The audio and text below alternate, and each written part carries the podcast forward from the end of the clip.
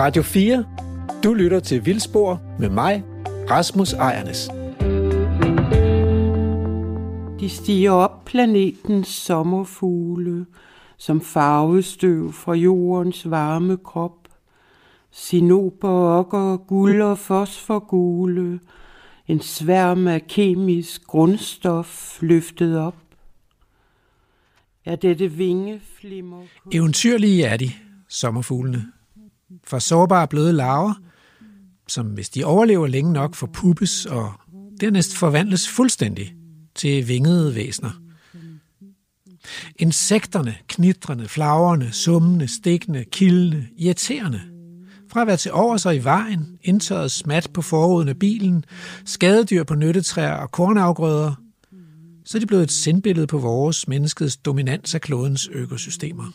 Pludselig frygter vi at skulle leve i en tavs verden uden insekter. Og nogle af insekterne er jo faktisk også nyttige. Tænk bare på bestøverne. Du lytter til Vildspor. Jeg hedder Rasmus Ejernes. Jeg forsker i biodiversitet ved Aarhus Universitet, og så hygger jeg mig med at være radiovært for en tid her på Radio 4. Jeg er ikke alene om at føre jer på vildspor. Ude i naturen er Vildspors reportere på evig jagt efter gode fund og interessante historier. Det er Emil Skovgaard Brandtoft fra Naturhistorisk Museum i Aarhus og Lærke Sofie Gleup fra Folkeuniversitetet. De tager dig med på ekspedition sammen med gummistøvleklædte naturnørder, som vi støver op og støver af. En af dagens naturnørder er, er på en måde dækket af støvet fra sommerfuglevinger, for det er Flemming Helsing, som livet igennem har forsket i sommerfuglenes fascinerende verden, eller udforsket den i hvert fald. Dagens vildspor står nemlig i insekternes tegn. Vi skal blive meget klogere på sommerfuglenes forunderlige liv, og på hvordan man kan overvåge insekternes og tælle dem og, og finde ud af, hvor mange forskellige der er. Og for at blive klogere på det her har jeg inviteret en gæst i studiet, som har forsket i insekter, og som er bit af tanken om at overvåge med kamera og kunstig intelligens. Men allerførst skal vi kigge nærmere på en øh, fotofælde, som fotograferer insekterne, hvis de flyver for stærkt. Eller, eller måske er der noget, jeg har misforstået.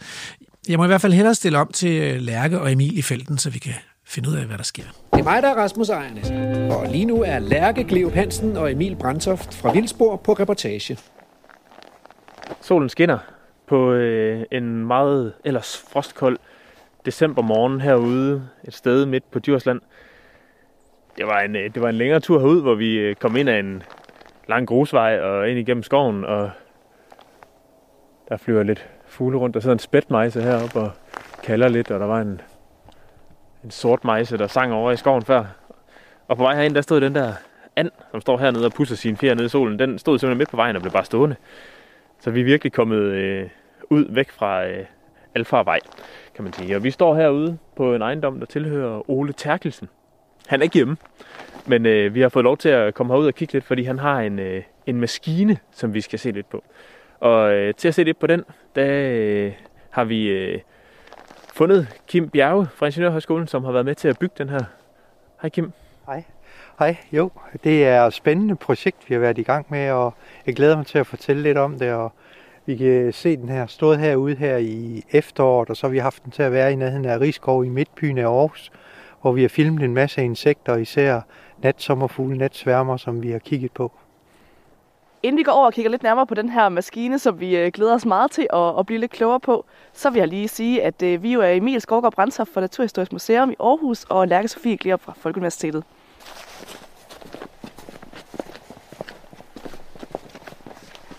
Den øh, består af flere elementer, og det er egentlig en lysfælde til at tiltrække insekter i skumringen om natten.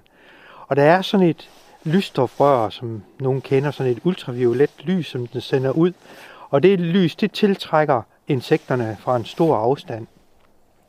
Så har vi fundet på det, at vi også har brug af et lysbord, som man kender fra, når man laver tegninger og, og det lysbord er så beklædt med et lag, hvor vi kan smøre det med nogle sukkerstoffer. Og ideen det er, at vi tiltrækker natsværmerne, som så sætter sig på selve lysbordet.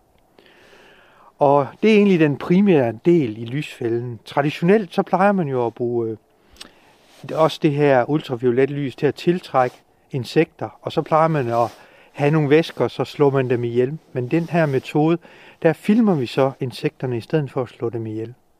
Når de så sidder på lysbordet, jamen så har vi lavet et lille kamera med noget belysning og en lille computer, som så står og filmer hver eneste gang, at der er bevægelse på selve lysbordet og lagen. Og så laver vi en lille film af de insekter, der kommer forbi. Og alle de film, dem gemmer vi. Og så har jeg haft nogle studerende, der har arbejdet på at behandle alle de her billeder efterfølgende, hvor vi så med kunstig intelligens automatisk kan finde ud af, hvad var det for et insekt, og hvilken art er det. Og der har vi indtil videre arbejdet med forskellige ni forskellige arter inden for ulefamilien. Smutuglen for eksempel, agerugle, pyramideugle og nogle forskellige arter. Og så træner man sådan et kunstig intelligens netværk, hvor man ser en masse forskellige af de her, hvor vi har haft for eksempel 100 individer, eller op til 1000 individer af det, af det forskellige individer af den samme.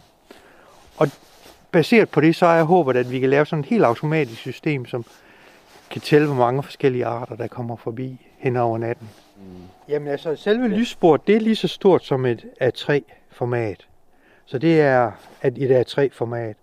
Og selve fælden, ja, den er sådan en halv meter gange en halv meter i en kubikmeter øh, størrelse. Så, så den er ikke særlig stor. Så ideen det er også, at man kan transportere den rundt.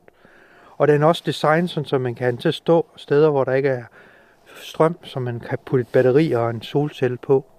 Og det har vi også designet så det kan køre og stå og køre af sig selv alle mulige forskellige steder i naturen, hvor der ingen strøm er. Når du siger, øh, når du siger uler, ja. så tænker jeg, at der er rigtig mange, ja. der tænker på de der øh, med store øjne og fjer, og der sidder tuder om natten. Ja. Men det er vel ikke, de kan vel ikke være inde i den her, det er jo ikke dem, Nej, I øh, finder? det er natsommerfuglen i uh, ulefamilien. Og der er forskellige, og det, det er dem, vi hovedsageligt har set i det forsøg, vi har lavet indtil nu. Men Kim, du, øh, du er jo ingeniør, ja. og det her det er jo en, en ret øh, biologivenlig ting, kan man sige. Det er jo øh, noget, som biologer ville bruge tid på normalt. Hvorfor, øh, hvorfor har du beskæftiget dig med det som ingeniør? Jamen, det er startet egentlig for en del år siden. Altså, mit hovedområde, det er billeder og analyse af billeder og kunstig intelligens. Og så havde vi et projekt med en, der hedder Per Kryer, omkring øh, bier og varroamider. Og det blev jeg egentlig meget interesseret i, at det her var et projekt, der kørte over en to-tre år. Så det gik på, at vi har et stort problem med, at bier bliver inficeret af en lille snylde, der hedder varroamider, og kunne vi så ved hjælp af kamera lave et system, der automatisk kunne detektere, hvor mange procent af bierne var inficeret med de her varroamider. Og traditionelt set gør man jo det ved, at man slår nogle bier ihjel. Så på samme måde som som det her system, der var udfordringen så at gøre det, når de er i live. Og det har vi faktisk publiceret en artikel med. Og så baseret på det, så fik vi kontakt med Tove. Og så var han interesseret i at arbejde videre med nogle af de samme principper. Og der har vi for eksempel også haft en uh, kamera til at stå ind på taget af hi klubben her i Aarhus, hvor vi har filmet insekter over hele sommeren. Og det vi så gerne vil finde ud af, jamen hvordan ser det ud hen over sæsonen? Hvad kommer der af bier og bestøvning af planter. Og det var faktisk nogle meget interessante resultater, vi fandt ud af. Jeg spurgte til biologen om, hvordan ser den her kurve ud for aktiviteten hen over sommeren. Og der var ingen af biologerne, der kunne forudse det i forhold til, hvad vi faktisk fandt ud af det. Og det meget interessante var, at i nogle meget få uger af sæsonen, hvor der var meget sol og sommer, jamen der havde vi, hvor det var flere tusind procent større aktivitet end alle de andre, der er i løbet af sæsonen. Så det er faktisk nogle få uger på sæsonen, hvor der virkelig sker noget. Det er også meget interessant, fordi man kan godt stå her som biolog og tænke, med sådan en maskine der, så bliver vi jo alle sammen arbejdsløse. Men det er jo nogle helt enorme mængder data, I kan få på den her måde, som vi jo slet ikke ville kunne, kunne gå ud, hvis vi gik ud med nettet for øh, at fange sådan en tilfældig sommerdag. Ja. Jamen det er totalt rigtigt. Altså, i den første forsøg, vi har lavet, der kørt over tre måneder, der har vi optaget og taget 265.000 billeder. Hvis du skulle sidde og kigge 265.000 billeder, og det tager et sekund på billedet, så kan du selv regne ud, at det tager lang tid. Og, øh, men det er stadigvæk sådan, at vi bliver ikke arbejdsløse, fordi vi kan godt træne en eller anden algoritme til at kende otte arter, men der er jo så mange forskellige arter. Og det vil være et kæmpe arbejde at få lavet et system, der kunne tælle det hele. Og det næste er, at du skal have rigtig mange billeder af en given art, for egentlig at kunne træne sådan noget der. Så Nej, nej, vi, det er slet ikke. Altså det hjælper, jeg vil sige, det er et støtteværktøj, lige så vel som, og så er det fordelen, det er jo, at du er fri for at slå insekterne ihjel. Så når der er et projekt, Miljøstyrelsen gerne vil undersøge natlyssværmeren, som er en meget sjælden art, jamen øh, så er det jo træls at slå den ihjel. Så kunne man lave en måde, hvor man undgår at slå den ihjel. Så der er, der er, stadigvæk, øh, der er stadigvæk jobs til os biologer, selvom de her kunstige intelligens øh, vinder frem i, øh, i bestemmelsen af de her dyr. Det synes jeg er fantastisk, når det kan kombineres på den måde. Du lytter til Radio 4. Jeg har haft den til at stå i, øh, inde i Aarhus i nærheden af Rigskoven. Og der har jeg også observeret den i løbet af natten. Og det, der sker, det er, at insekterne kommer hen og bevæger sig omkring lyset og sætter sig alle mulige steder, også uden for selve det her lysbord. Nogle få sætter sig så på lysbordet, Og de netter, hvor der er rigtig mange insekter, jamen der kan der være helt op til 10 natsværmere i det samme område. Men ellers så er variationen fra nat til nat, det, det kan variere meget. Og det er typisk de varme sommeraftener, hvor der var rigtig mange. Og det der sker, det er, at systemet detekterer bevægelse. Ligesom sådan nogle, man bruger til overvågning, hvis der er tyveri eller sådan noget. Og hvis det så er bevægelse, så tager vi en lille film af den bevægelse, og det bliver gemt på en harddisk. Så hver eneste nat, og de nat, der har været rigtig travle, der er der kommet op til 20-30.000 billeder. Men de billeder, hvor der ikke var så meget aktivitet, der kan det være, der kun var en 500 stykker, 100 stykker. Og her, i, her til sidste sæson er måske slet ingen. Så bliver de gemt på en harddisk, og så bagefter, så kan man tage den harddisk ud og prøve at analysere alle billederne. Men først så skal man jo lave et manuelt arbejde og gå ind manuelt i hver eneste billede og sige, her var der et insekt, og hvad var det for en slags? Og det kan man så putte ind til et kunstig intelligent værk og træne det. Men det, vi har trænet netværket til, det er jo kun baseret på det, vi har puttet ind. Så det kan ikke kende andet end det, vi har puttet ind. Vi prøver så at arbejde på nogle metoder også. Kan vi lave det sådan, så det både kunne kende det, vi har trænet det med, og så sige, her er noget, jeg ikke har set før. Og det kunne vi lægge til side. Og det kunne jo optimere på den proces, i stedet for at skal sidde og kigge 20.000 billeder igennem. Så er der måske kun 20 billeder, man tager ud, eller sådan noget, af nye ting. Så det er nogle af de nye ting, vi prøver at arbejde med, om vi kan finde en metode til det. Jeg har brugt det her projekt også til, at jeg har to bachelorstuderende, som bliver færdige som ingeniør nu her til jul. Og deres speciale, eller nej, bachelorprojekt, det gik jo så på at prøve at lave den her algoritme, baseret på alle de billeder, vi har taget ind over sommeren. Og så er ideen jo også at lave andre projekter på det senere hen. Det er jo ikke noget, der bare er færdigt på en formiddag. Hvad for nogle projekter kunne, øh, kunne det for eksempel være? Jamen blandt andet så er det jo Miljøstyrelsen har spurgt om den her sjældne natlysværmer, som de gerne vil undersøge. Og der var ideen så at få nogle midler til det fra dem, og sætte en 10 fælder op forskellige steder i landet, hvor der de er. Og så øh, prøve at arbejde med, om man kunne lave nogle algoritmer, der automatisk kunne finde den, selvom den ikke ved, at, hvordan den ser ud. Så det er egentlig et eksempel på det. Øh, men Kim, det er jo øh, det er ret fantastisk, at det kan lade sig gøre det her, men hvorfor, hvad er pointen egentlig med at få en maskine til at kunne genkende de her insekter? Altså, der er jo mange forskellige forsøge biologiske ting, man kunne gøre, og en af de ting, jeg i hvert fald har hørt om, det er jo at undersøge, altså det der er ved klimaforandringerne, der er insekterne meget hurtige til at reagere på klimaforandringer. Så det at kunne monitorere insekter giver et meget godt indblik i, om der faktuelt i det, for de biologiske ting sker nogle ændringer for antallet, hvilke typer arter der er i et eller andet givende område. Så hvis du kan monitorere det løbende hver eneste sommer i nogle forskellige udvalgte steder, så vil du kunne få, ud over at have temperatur, også have en indikation af, har der, sker der nogle biologiske ændringer i de forskellige områder. Og det kan man jo ikke gøre manuelt. Det bliver man nødt til at automatisere, hvis du skulle gøre det så intenst. Og det er jo noget af det, som, øh, som Toge Høje, som du har lavet det her, han arbejder rigtig meget med de ting, og arbejder med det i, i Grønland og alle mulige andre steder også, ikke? I, eller i hvert fald i forhold til klimaforandringerne. Jeg ved ikke, hvor meget de har fået den kunstige intelligens med til Grønland i, øh, i de her projekter. Det kan også være, at han selv kommer ind på det, når øh, han jo er i studiet øh, i, det her, øh, i det her program. Men et andet sted, hvor jeg også møder den kunstige intelligens, det er, når jeg går rundt med min, øh, min mobiltelefon og øh, finder et eller andet, jeg ikke ved, hvad er. Så findes der jo forskellige apps. Svampe Atlas har lavet en app med en god billed, automatisk billedgenkendelse, og iNaturalist har øh, til, til rigtig mange ting. Øhm, er der noget overlap og noget samarbejde imellem sådan nogle projekter?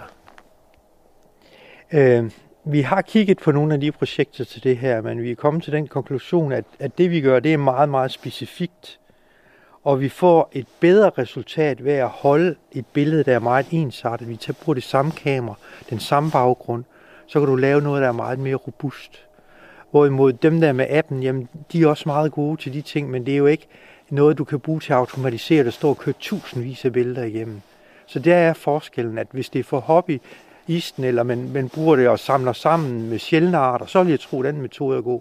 Men handler det mere sådan industrielt og overvåge noget, som det her det minder mere om, jamen så er det bedre at, at lave nogle billeder, der er mere ensartet, og så selv lave sin algoritme til det. Hvor stor sikkerhed er der på en artsbestemmelse i det her? Fordi når jeg for eksempel bruger den der øh, Sampe Atlas-appen der, ikke, så, så får jeg at vide, at det her er med 54% sandsynlighed end et eller andet øh, rød fluesvamp, eller hvad ved jeg, ikke? Øh, og 54 procent, det, det lyder ikke som så højt i, mit, i mine ører, men hvordan er det med jeres projekt her? Det projekt, som mine to studerende har arbejdet på med de ni forskellige arter, de har kigget på, der ligger klassifikationsraten omkring 89 procent. Og, nu, og, så, og så har vi også det her track, dem, og øh, den, der falder den i nales, men det ligger omkring de 85-90 procent det, det, lyder, øh, det lyder som om, det begynder at være noget, hvor man sådan kan en stole på det, der kommer ud i, i algoritmen der. Nu har vi fået åbnet for, øh, for den øverste af de to kasser, som den her øh, fotofælde består af. Og øh, Kim, hvad, hvad finder vi nede i den?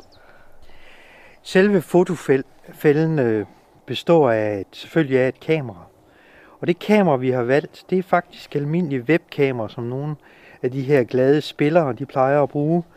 Og det er et højopløst kamera, der har en opløsning på cirka 8 megapixels.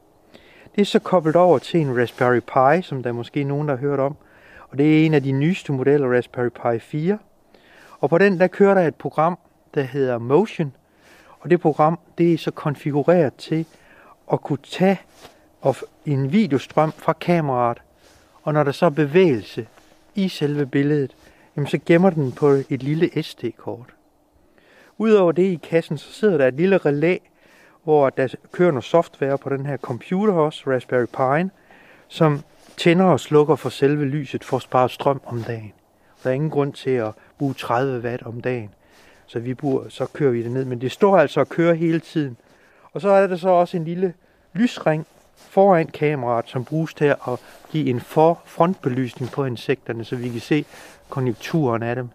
Og den store udfordring, lysmæssigt, det er at justere det hele, så at insekterne vælger at sætte sig på lanet, samtidig med, at vi har lidt baggrundsbelysning, men så skal vi også have en kraftig forgrundsbelysning, så detaljerne på natsværmeren trækker tydeligt frem. Og der har vi så haft en ekspert, der har kigget på billederne og sagt, nu er de gode nok til, at jeg kan se, hvilken art det er. Øh, du sagde Raspberry Pi på et eller andet tidspunkt. Hvad, hvad er det helt præcist? En Raspberry Pi er en meget lille computer, men den er efterhånden blevet så kraftig, at den minder faktisk om, hvad der sidder i din mobiltelefon. Så den er lige så kraftig som det, der sidder i din mobiltelefon. Og den kører også det samme operativsystem, som kører på din mobiltelefon. Så de programmer, man kan køre på den, det er egentlig sådan en lille minicomputer. Og de er jo så blevet efterhånden så billige og så kompakte, at man kan bruge den til sådan noget. Og vi har endda også prøvet at køre den her kunstig intelligens. Den kan også køre på den her computer. Den er ikke så hurtig. Så det man kunne lave, det er, at når man har filmet alle billederne om natten, så om dagen, så står den og kører al dataen igennem. Og så kan man så, fordi det også sidder trådløs netværk på, så kunne den så sende det over til en router, og så kunne den putte op på, på en hjemmeside, så kunne du sidde derhjemme og se, hvad er der kommet i løbet af en nat af de forskellige insekter. Det ville jo være smart. Altså, så man slet ikke behøver at, øh, at skulle ud til den vej. Altså jeg tænker, at I skal ud nu og have fat i den og tage fat i det der SD-kort og tage det med hjem og sådan noget. Men hvis det hele det kan komme til at køre øh, endnu mere automatisk, så, øh, så bliver det jo nemmere og nemmere. Det vil det kunne, og den måde det så virker på, det er, at man køber sådan en lille wifi modem, hvor man sætter et øh, SIM-kort i fra din mobiltelefon, og så ligger den i nærheden. Og den kobler så op på alle de fælder, der er i nærheden. Og så kan man simpelthen ringe til den, eller via nettet få fat i dem, og få fat i de data, der ligger der. Ikke alle billederne, men i hvert fald analysen af billederne. Nu er det jo øh, blevet vinter, og øh, der er ikke så mange insekter i luften længere, så hvad er egentlig øh, skæbnen for den her maskine nu? Hvad skal der ske med den hen over vinteren? Ja, vi har en, en plan, og det er at lave nogle flere af dem. Lave dem lidt mere robuste, og øh, de flere vi, øh, fælder, vi skal lave, der skal vi har så sat nogen op i løbet af næste år. Og så vil vi også gerne prøve at arbejde med lidt af den erfaring, vi har, og få prøvet der med, med batterien og solcellen, vil de overhovedet virke. Så det er de næste dele af det her projekt. Og så lave nogle flere af dem. Og den, der står her, den vi står og kigger på nu, den skal, den skal hjem på vinterferie et eller andet sted, eller hvad? Ja, den kommer over på skolen, og så står den på i vores laboratorium. Du snakkede om, at, øh, at det er konturerne af insekterne og sådan noget. Er det, hvad er det for nogle ting, som jeres algoritme den lægger mærke til, når den skal bestemme? Fordi når jeg sidder og kigger på billeder af en natsværmer, jeg skal finde ud af, hvad er, så er det sådan noget med øjepletterne, om de har den rigtige fasong, og det, der sidder ude i, og hvad de ellers sidder og sådan noget. Men er det også de ting, som, som øh, systemet kigger på? Altså, så skal vi til at snakke om, hvordan kunstig intelligens det virker. Og det virker faktisk på den måde, at man har en masse mønstre, man træner. Så det er rigtigt, den et kunstigt netværk, det vil træne til, at den finder måske en cirkel, den finder en kant, den finder et hjørne. Og så, når man træner den, så finder den selv ud af alle de mønstre, den skal kigge efter. Og så baseret på det, så er det måske noget vingestruktur eller en, nogle andre dele, det her netværk bliver trænet til at kunne genkende. Og det er det, der er så smart ved kunstig intelligens i dag. I gamle dage, der sad man netop, som du gjorde, og fandt de her features, som man kalder dem. Og så bruger man dem til at matche på, findes de her features. Men den kunstige intelligens i dag er egentlig, at du kan bare, den finder selv ud af, hvad det er for nogle mønstre, der er. Og så kan man bruge dem igen. Ulempen ved det er, at man kan ikke sådan plukke det ud og lave om på det. Så man bliver altid nødt til at træne det igen, baseret på de billeder, man har. Du lytter til naturprogrammet Vildspor med Lærke Gleup Hansen, Emil Brandtoft og mig, Rasmus Ejernes. Øh, men Kim, du siger, at den her den skal hjem og stå hjemme i laboratoriet. Skal vi lige give dig en hånd med at få den over i bilen? Ja, det må jeg meget gerne. Så får vi ikke kaster med det her lyster, tror jeg her. Ja, det går.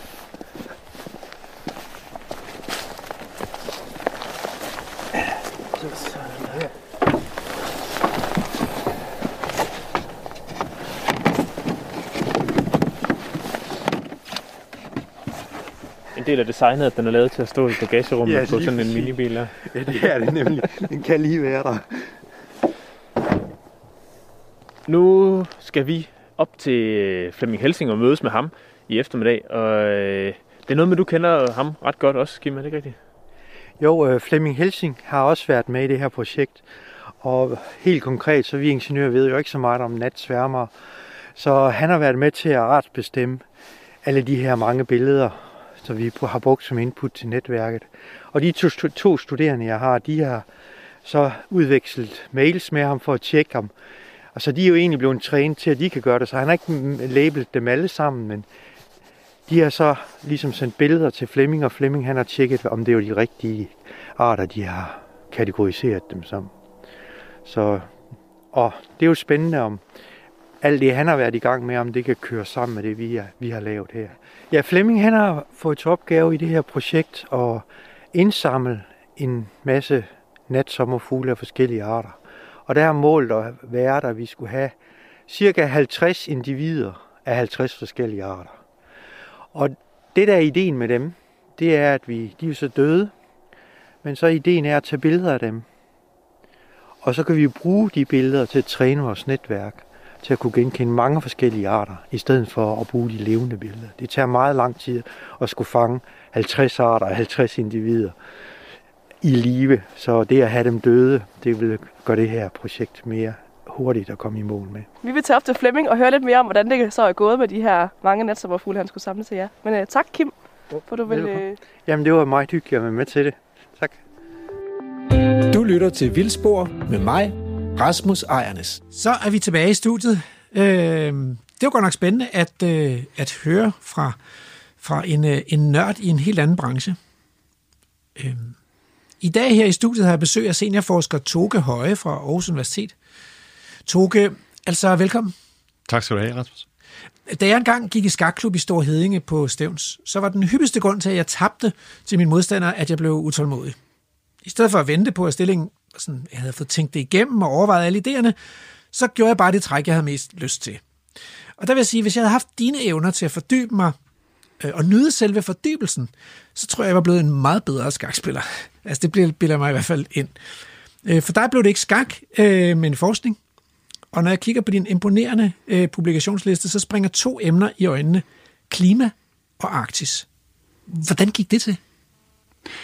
Ja, først vil jeg sige, jeg har tabt en del gange til dig i skak. Så ah, det behøver du ikke at sige. du har klaret det ganske fint på den konto der. Klima og Arktis, jamen, øh, som så mange andre af livets øh, korsveje, så var det også i høj grad tilfælde. Øh, i, I virkeligheden så tror jeg, at min øh, fascination for Arktis, den, øh, den startede øh, efter jeg var færdig som biolog, hvor jeg i en periode var lidt usikker på, om forskning virkelig var den vej, jeg skulle gå, eller om, øh, om jeg skulle øh, være formidler af, af naturoplevelser og naturglæder. Jeg arbejdede i en periode i et rejsbyrå, og, og det fik mig til Grønland. Øh, og det var i virkeligheden de ture, tror jeg, hvor, øh, hvor det var den mere umiddelbare oplevelse af, hvad, hvad, hvad naturen sådan uspoleret sted kan gøre ved mennesker, som, øh, som gjorde, at der er muligheden for et phd projekt øh, med henblik på øh, at forstå effekten af klimaændringer, særligt i Grønland, den bød sig, så, øh, var, så, jeg, så var jeg klar. Ja. ja. Øhm, det, det var Østgrønland, var det ikke? Det var der Sackenberg og forskningsstationen deroppe, du blev koblet på i starten?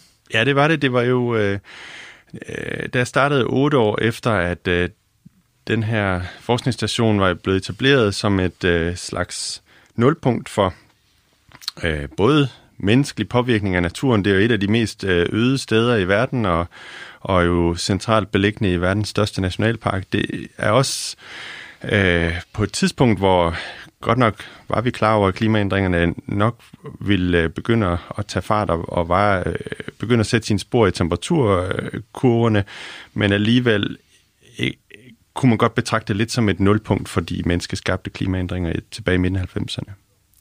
Jeg skal lige forstå, altså, øh, hvordan kommer man egentlig til Sackenberg? Altså, hvis, hvis nu du skulle rejse til Sackenberg i morgen øh, her for Aarhus, hvad, hvad skulle du så gøre? Ja, man, man, man øh, tager med, med almindelig fly, altså med, med kommersiel fly til, til Island. Øh, dengang jeg var derop øh, første gang, der skulle vi så indrigs op til det nordlige Island, til Akureyri, hvor øh, det islandske øh, flyselskab har deres base af, af de her specialfly Twin Otters, som er en form for ja, øh, multifunktionelt øh, ekspeditionsfly, der både kan lande på is og på øh, grusbanker og, og på vand, for så vidt afhængig af, hvordan de lige sætter, hvad de sætter på af, af landingsredskaber. Øh, og, og der flyver man så med chartret fly øh, over Danmarksstrædet op langs kysten af Østgrønland, og typisk jo bare i en lille flok af, af forskere primært, som skal arbejde et eller andet sted langs kysten der. Så fra man forlader øh, lufthavnen på Island, så skifter rejseoplevelsen karakter til at blive langt mere sådan øh, øh ekspeditionspræget. Man kan også fornemme på piloterne, at de har en lidt anden øh, måde at, at introducere sikkerheden ombord og, og øh, øh, ja, forklare om, om øh, de ting, der sker øh, i, på flyveturen. Det er en flyrejse uden, øh, uden film på fjernsynet og catering og ja. kla- klassisk stil. Helt klart. Øhm, Man kan godt komme til at sidde på en stor fueltønde. Ja, fedt. Så får man ondt i røven, inden man når frem. Men altså, det er, jo, det er jo et mærkeligt sted at lægge en forskningsstation. Det er jo besværligt, og det er dyrt, og det er Ja, det er det. Altså, dengang synes jeg bare, det var vildt fedt. Det var ja. bare super spændende at komme sådan et sted hen, hvor man øh, nærmest ikke kunne få lov at komme, medmindre man havde sådan en, en forskningsmæssig begrundelse. Så der bor ikke nogen i Sankenberg? Nej, Nej altså, øh, Sankenberg ligger ikke øh, ret langt, 25 km fra, fra Daneborg, som er Sirius-patruljens øh, hovedkvarter. Og, og de øh, militærfolk, der, der bor på Daneborg og, og er øh, Sirius-patruljen, de er der jo hele året. Så det er den eneste faste bosættelse, der er i området, og den er jo ikke, øh, det er jo ikke en lokal bosættelse, det er jo en militær forlægning. Ja. Men nu skal vi selvfølgelig ikke snakke øh, specielt Grønland og Arktis i dag, men, men derimod insekter. Øh, noget af det, jeg har bemærket, fordi jeg har boet i Grønland i halvandet år, det er, hvis der er noget, grønlænder er bange for, så er det flyvende insekter. De kan blive redselslagende. Altså, jeg, jeg har haft grønlænder på besøg i haven, der er flygtet fra sådan, at der kommer en enkelt veps eller bi forbi, eller sådan noget. Så er der overhovedet nogle insekter deroppe på Grønland, altså? Ja, det er der. Det er der. Åh oh, ja, jeg kan godt, godt huske myggene. Der, der er nogle myg, blandt andet.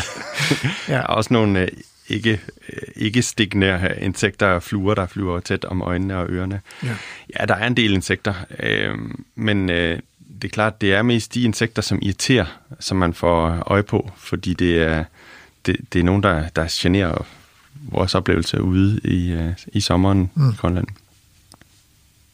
Og og, og, og, og hvad kan man så finde ud af, med, hvis man, når man har sådan en overvågningsstation liggende der? Så du har jo kigget på nogle af de der data fra, øh, fra, fra sådan over tid, øh, og nogle af de ændringer, der er. Og sådan. Hvad, hvad, hvad sker der på sådan et øde sted i, i jorden, eller på jorden?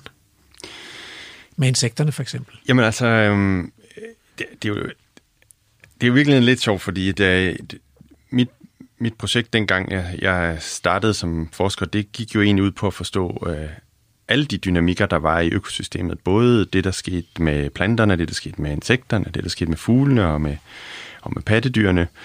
Og, og selvom det allerede var et ret omfattende materiale, der, der var indsamlet i de der første 8-10 år, så var det helt klart i insekternes verden, at de største mysterier øh, var. De var både i form af, at, øh, at øh, der var så vildt mange forskellige arter af insekter, mm. og at, at, at vi trods den store indsats stadigvæk ikke havde et fuldt overblik over, hvad det er for nogle arter, der findes i området der. Og, øhm, og, og der, der trods alt var så mange af dem, og ikke bare af myggene og, og de irriterende fluer, men også af æderkopperne og sommerfuglene og de små jordlevende springhaler og, og øh, alle mulige forskellige øh, insekter. Så, så noget af det, øh, jeg i starten brugte ret meget tid på, det var øh, at prøve at finde ud af, om den øh, aktivitetsperiode, insekterne har igennem øh, sommersæsonen, om den er afhængig af, hvordan klimaforholdene er det pågældende år. Om det er sådan et, et år, hvor sneen er tidligt væk fra, fra jordoverfladen, om det så også er et år, hvor, hvor øh, insekterne bliver aktive tidligere, og, øh, og, og dermed måske øh, er i stand til at, at, at nå mere i sådan en kort, intens arktisk sommer. Det er i hvert fald noget af det, som vi var optaget af i starten, det er at det burde jo være en god ting, at der kom mere tid til at gøre de ting, som man nu skal gøre, som humlebi, eller som øh, sommerfugl, eller som flue. Ja, det siger man jo selv her i Danmark, ikke? At, at mange af insekterne de er varmeelskende eller varmekrævende. De kan godt lide, at der kommer lys og, og varme ned til deres levemiljøer, og er måske mere udfordret, hvis det er koldt og vådt og klamt og sådan noget. Det må være endnu mere udbredt, når man så kommer op på Grønland. Eller, eller hvordan hænger det sammen? Ja, altså øh, det er jo helt klart, at øh, uh, temperatur er en begrænsende faktor for, uh, for insekterne deroppe, at uh, der er så få dage, hvor temperaturen sniger sig op over 0 grader, og, og, og derfor så gælder det om at, at finde den mage, man nu skal parre sig med, få lagt de æg, man nu skal lægge, og, og ellers uh, gennemføre de, de øh, generationsskifter eller hudskifter, som man, øh, man som insekt nu skal igennem for at, at kunne øh, lande om efteråret i et stadie, eller øh, på en måde forberedt til den lange, kolde vinter, der så mm. kommer efterfølgende. Mm. Så, øh, så det var vores forventning, at øh, længere vækstsæsoner, det må jo være godt for alle de her dyr. Mm. Og det har faktisk vist sig, at det, det er ikke så simpelt, som, øh, som, som vi startede med at tro. Godt nok er det tydeligt, at insekterne følger de her klimasvingninger, så, så øh, sværmningstidspunktet for myggene er tidligere, hvis det er, at sneen smelter tidligere, eller det bliver øh, varmere om foråret. Men, men i alle de år, vi så har brugt på at prøve at forstå de her dynamikker, så, så bliver vi mere og mere klar over, at, øh, at insekterne kan ikke bare udnytte den længere tid til at, at, at, at øh, slappe mere af, eller, eller gøre sig øh, Parser tage sig godt. Ja, altså i hvert fald nu er der stadigvæk nogle ting, vi ikke forstår, men, men øh, jeg, vil sige, Det jeg vil sige, at, øh, at det, det vi har, har nået frem til, det tyder meget på, at de faktisk også øh, stopper deres aktivitetsperiode meget tidligere, end de har gjort Okay. øh, under de lidt køligere Så, sommer. går, så går de i gang med Så- at så kede der sig, og faktisk så har de ikke noget at lave. Og... De kommer i hvert fald ikke i vores fælder, og vi ser dem ikke, øh, myggene forsvinder, og kommer ikke igen senere på sæsonen. Der kommer ikke ligesom en, nyt, en ny generation eller en ny øh, aktivitetsperiode.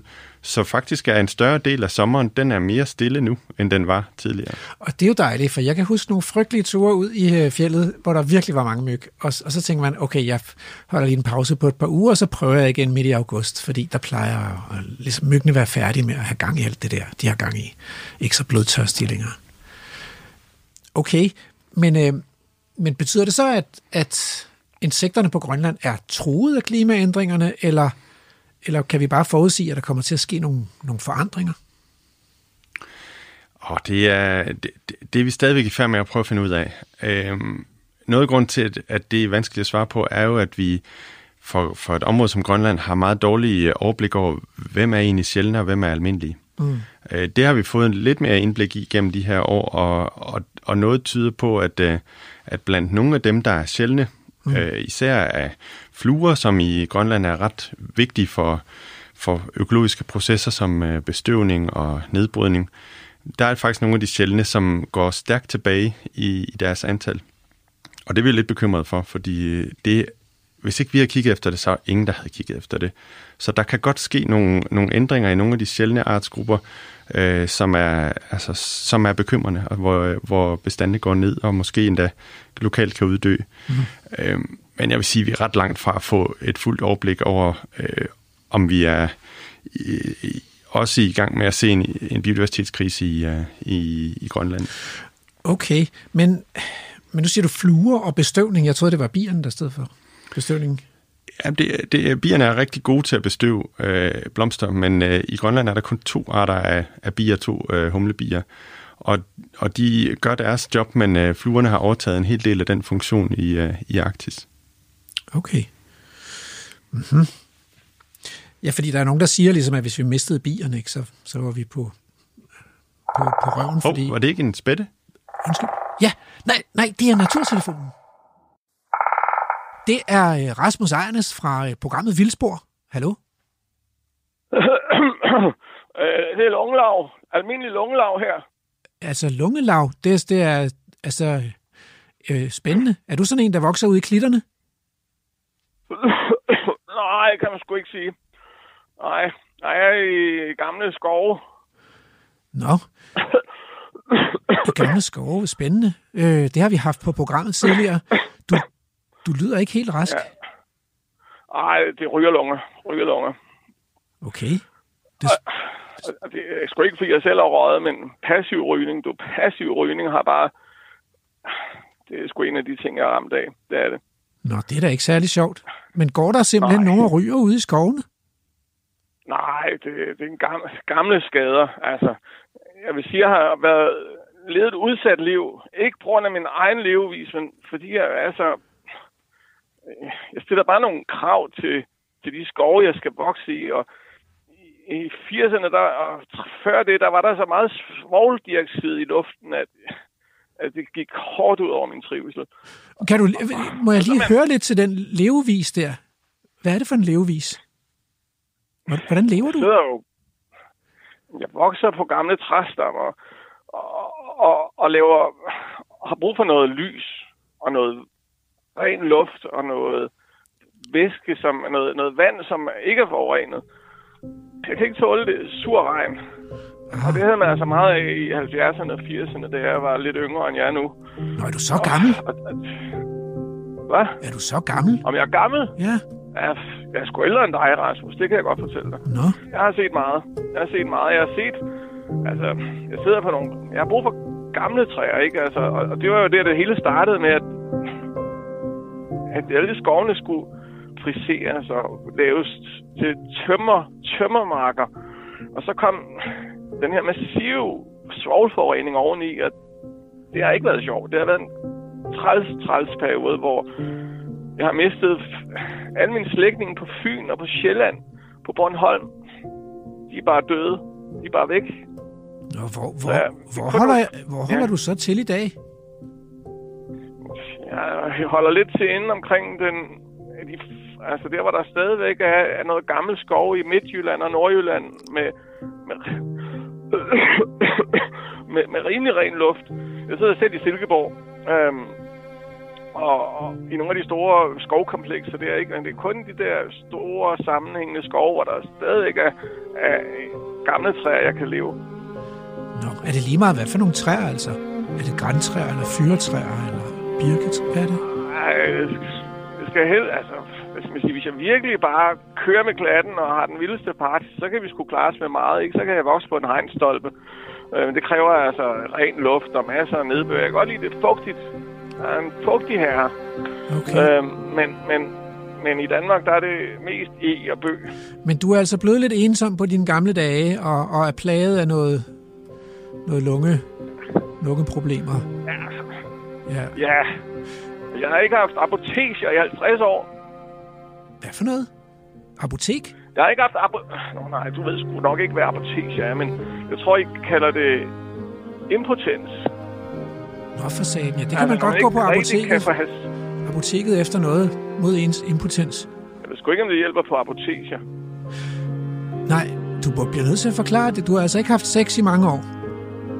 Nej, altså, jeg ved godt, det er lidt... Jeg skal lige tænke mig om, hvordan fanden I mennesker forstår tingene, ikke? Men jeg laver nogle, nogle, nogle strukturer, altså lidt ligesom jeg er kønsorganer, ikke? Så har jeg apoteker. Okay. Og dem har jeg personligt ikke haft gang i i 50 år. Og Jeg har hørt op i Holskoven og nogle andre steder, der, der er de begyndt lidt på det igen, og jeg tænker, ej, hvorfor hjælp til? Jeg, jeg tror måske, det kommer. Fordi luften er blevet lidt bedre. Så er der måske alligevel håb, altså. Så, så hvis, nu, hvis nu du skulle komme med et ønske til menneskene, hvad, hvad skulle det så være? Altså, hvad kan vi gøre for dig? Bevare de gamle træer. Okay, det er det Flere vigtigste. gamle træer. Der skal være nye gamle træer, så vi også har noget at se frem til. Hvis der kun er ranke produktionstræer, så står vi lige så stille og dør med, med de sidste gamle træer. Det er sgu sørgeligt. Nå. Så vi skal have nogle nye gamle træer, som Ja. kan vokse op, og, som vi kan flytte os til. Og det kræver så for fanden, at vi også skal lave de apoteser, så vi kan få noget sex. Ja. Og det kræver en sammenhæng, at der kommer os store skove med mange gamle træer. Ja. Vil du hvad, øh, det vil jeg lade gå videre til programmets lytter, og så, så vil jeg ønske dig en, øh, en, en god jul, god og kærlig jul, og jeg, jeg håber, at du får og jeg gang vil i... sige, at, at hvis det her lykkedes, ikke? Ja, Hvis, hvis, hvis I mennesker forstår og gør det, som der skal til, for at jeg kan vokse Ja. mere, så er I lykkedes med at bevare de her gamle skove. Der er en god indikator på, at skovene har det godt, okay. vil jeg bare sige. tak fordi du har.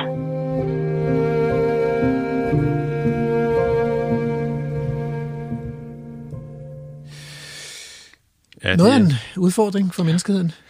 det er det. Det er jo øh, fortidens synder, som vi øh, kan Som- høre om her. Så det er ikke kun øh, insekterne, der har det svært, der er også andre derude. Øh, for eksempel almindelig lungelav. Øh, men hvis vi nu skal tilbage til de der insekter der, øhm, der er jo også udfordringer ved at studere insekter. Altså, det er jo ikke verdens nemmeste. Nu er jeg jo jeg er uddannet som botaniker, det vil sige, jeg har sådan studeret planter, øh, jeg sidder talt planter, og der kan man jo lægge en fast prøveflade, og så kan man sætte sig på hook, og så kan man øh, registrere de planter, der er, og man kan ovenikøbet øh, også tælle, hvor mange der er. De, de bliver jo, hvor de ligesom, hvor de ligesom er. Man, det kræver selvfølgelig, at man kan kende dem, også når de ikke blomstrer, men, men ellers er der egentlig ikke så mange flere problemer. Nej, altså, der, der er virkelig mange problemer med insekter. Ja. altså, virkelig mange. Hvilke for eksempel? Jamen, øh, blandt andet det, at, øh, at de jo er mobile. Altså, at man ikke bare kan tælle, hvad der er i et, øh, et lille afgrænset område, og så ved man, det var det, der var der. Fordi hvis man øh, blinker et par gange, så, så er nogle Så af dem de- fløjet, og så er der kommet Ja. nogle nye. Ja, Ja. og, og, og nogle af de arter, der er kommet til, de er kommet der, fordi de kan, og nogle af dem, de er kommet der til, fordi de har fundet ud af, at oh, det var lige her, Ja. deres livsmuligheder, de bedst kunne udfoldes. Ja. Så jeg tror, det er jo i virkeligheden også noget af den, den udfordring, der ligger i det, som har, som har piret min nysgerrighed, mm. at, det var, at det var svært, og at det var, øh, altså der var en masse historier og en masse, ja, en masse naturhistorier, som vi ikke øh, umiddelbart får, får øh, så let adgang til. Mm. Så det at afkode øh, de her insekters øh, levevis og krav til levesteder og deres livshistorier og dynamikker, jeg tror i virkeligheden, det var det, der lidt blev vagt dengang deroppe i Grønland. Øh,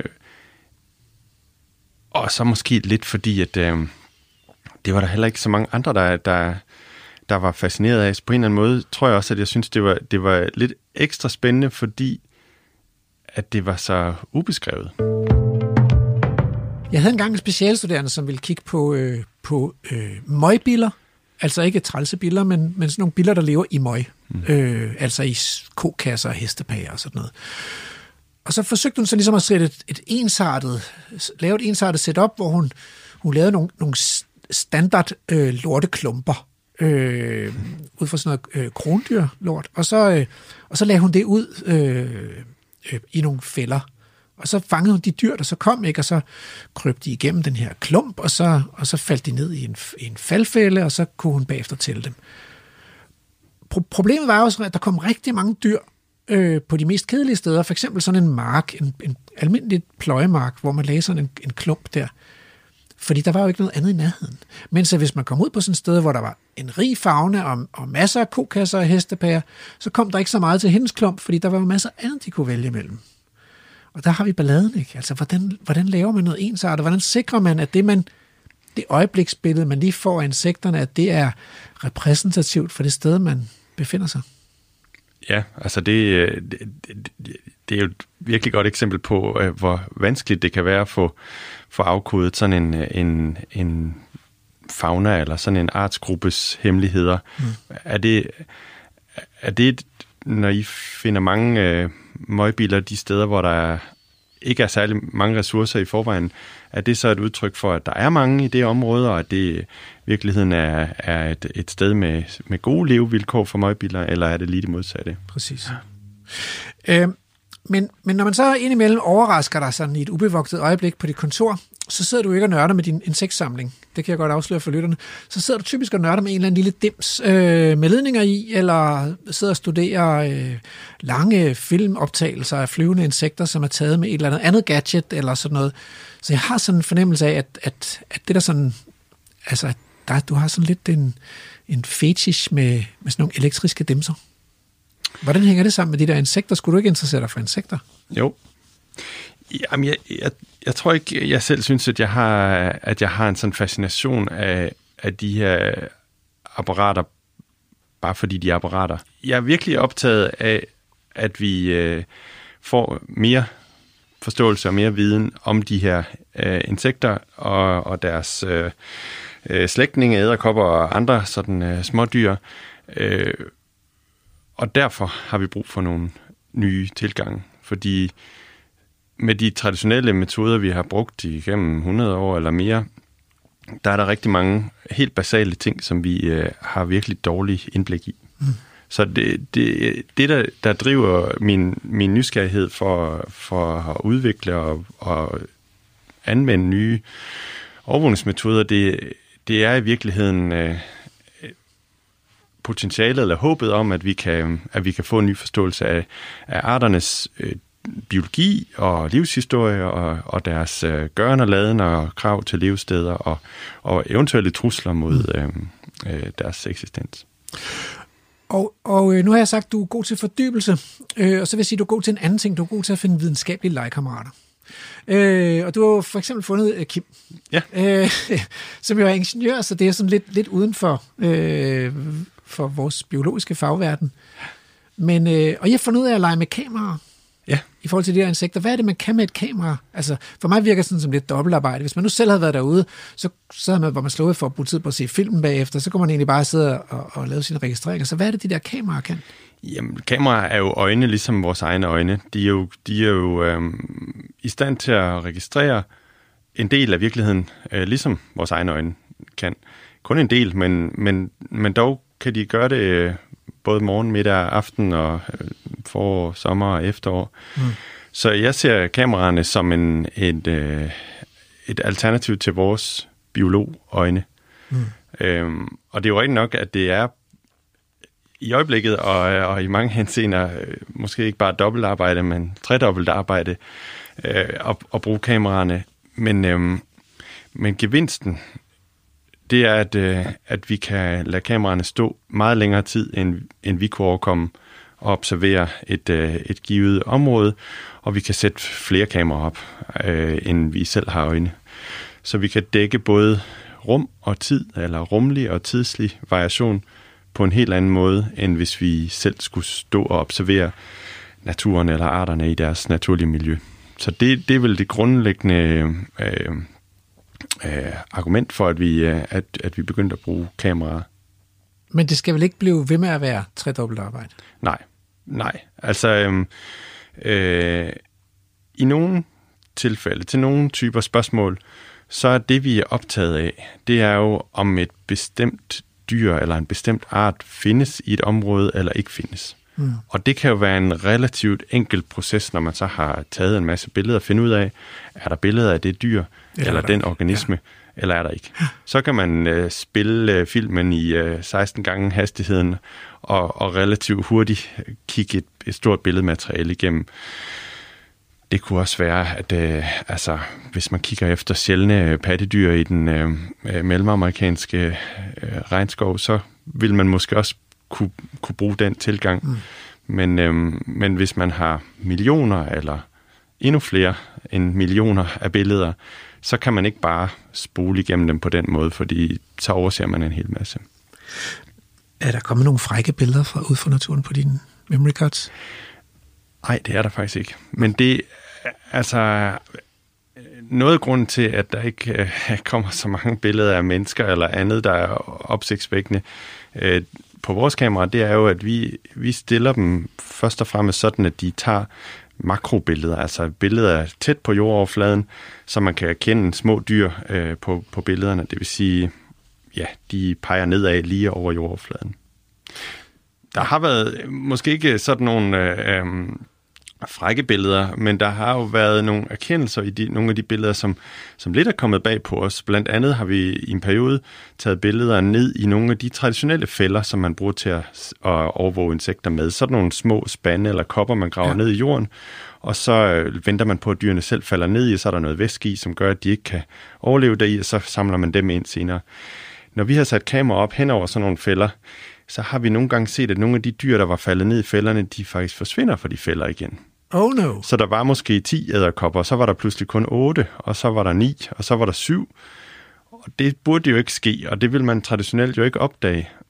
Men en gang så vi lige nakken af en lille fugl, der sad på kanten. der kommer 20. Ja. ja, så det er jo også en erkendelse, vi, op, vi opnår ved at se med de her kameraer. Der er måske også noget i de, de traditionelle måder, vi har indsamlet og overvåget insekter på, som har nogle problemer, vi ikke helt har været klar over. Du lytter til Radio 4. Men så er der også det her med billedgenkendelse, altså automatisk billedgenkendelse. Er det det nye, og, øh, og, og vil det revolutionere hele vores måde at indsamle data på ud fra naturen, eller hvad, hvad tror du? Altså, det er jo nemt nok at se, at der er en ulv på, på, på, på, på billedet, ikke? Men, øh, og de store sommerfugle, der er ikke så mange forskellige dagsommerfugle, det er også, dem kan vi så nogenlunde kende fra hinanden, men på et tidspunkt begynder det jo at blive besværligt, ikke? Og, og så koster det rigtig mange mandetimer at skulle sidde i laboratoriet, ikke? og nogle gange skal man udpræparere penis fra en bi for at kunne finde ud af, hvad det er for en bi og sådan noget. Jeg tror ikke, det overtager al form for naturovervågning, men jeg, jeg tror, det giver os mulighed for at, at øh, være mere ambitiøse på nogle dele af vores naturovervågning, især nogle områder, hvor vi lige nu næsten giver op og mm. siger, det kan vi ikke overskue. Mm. For eksempel sådan noget som dagsommerfugle, som mange jo egentlig har et nært forhold til, og som I egentlig gerne vil, vil øh, vide noget mere om deres øh, bestandsstørrelser og ændringer over tid. Det, det har vi faktisk i, i en årrække håbet på og arbejdet på at kunne, øh, at kunne lave overvågningsprogrammer for i Danmark, øh, ligesom man gør i andre lande. Og der er faktisk mange andre lande, der, der har været i stand til at, at mobilisere frivillige til det. I Danmark er det ikke rigtig lykkedes, så noget af grunden er, at den måde, man skal overvåge dagsommerfugle på, det, det er ret tidskrævende, fordi det er med direkte observation. Man går simpelthen en tur langs faste linjer og, og observerer, hvad man ser der. Mm. Og, og det, øhm, den, den indsats har det ikke uh, endnu i hvert fald været, været muligt at få, at få uh, folk til at, at, at byde ind med. Og øh, vi, er jo ikke, vi er jo slet ikke færdige, fordi i anden time, der skal vi tale om, om den her insektkrise, som er over os, og hvordan vi kan blive klogere på, hvad det er, der sker med insekterne. Og vi skal selvfølgelig ud i naturen igen, blandt andet med en, en rigtig sommerfuglenørd. Så hæng på, og vi er tilbage igen efter nyhederne.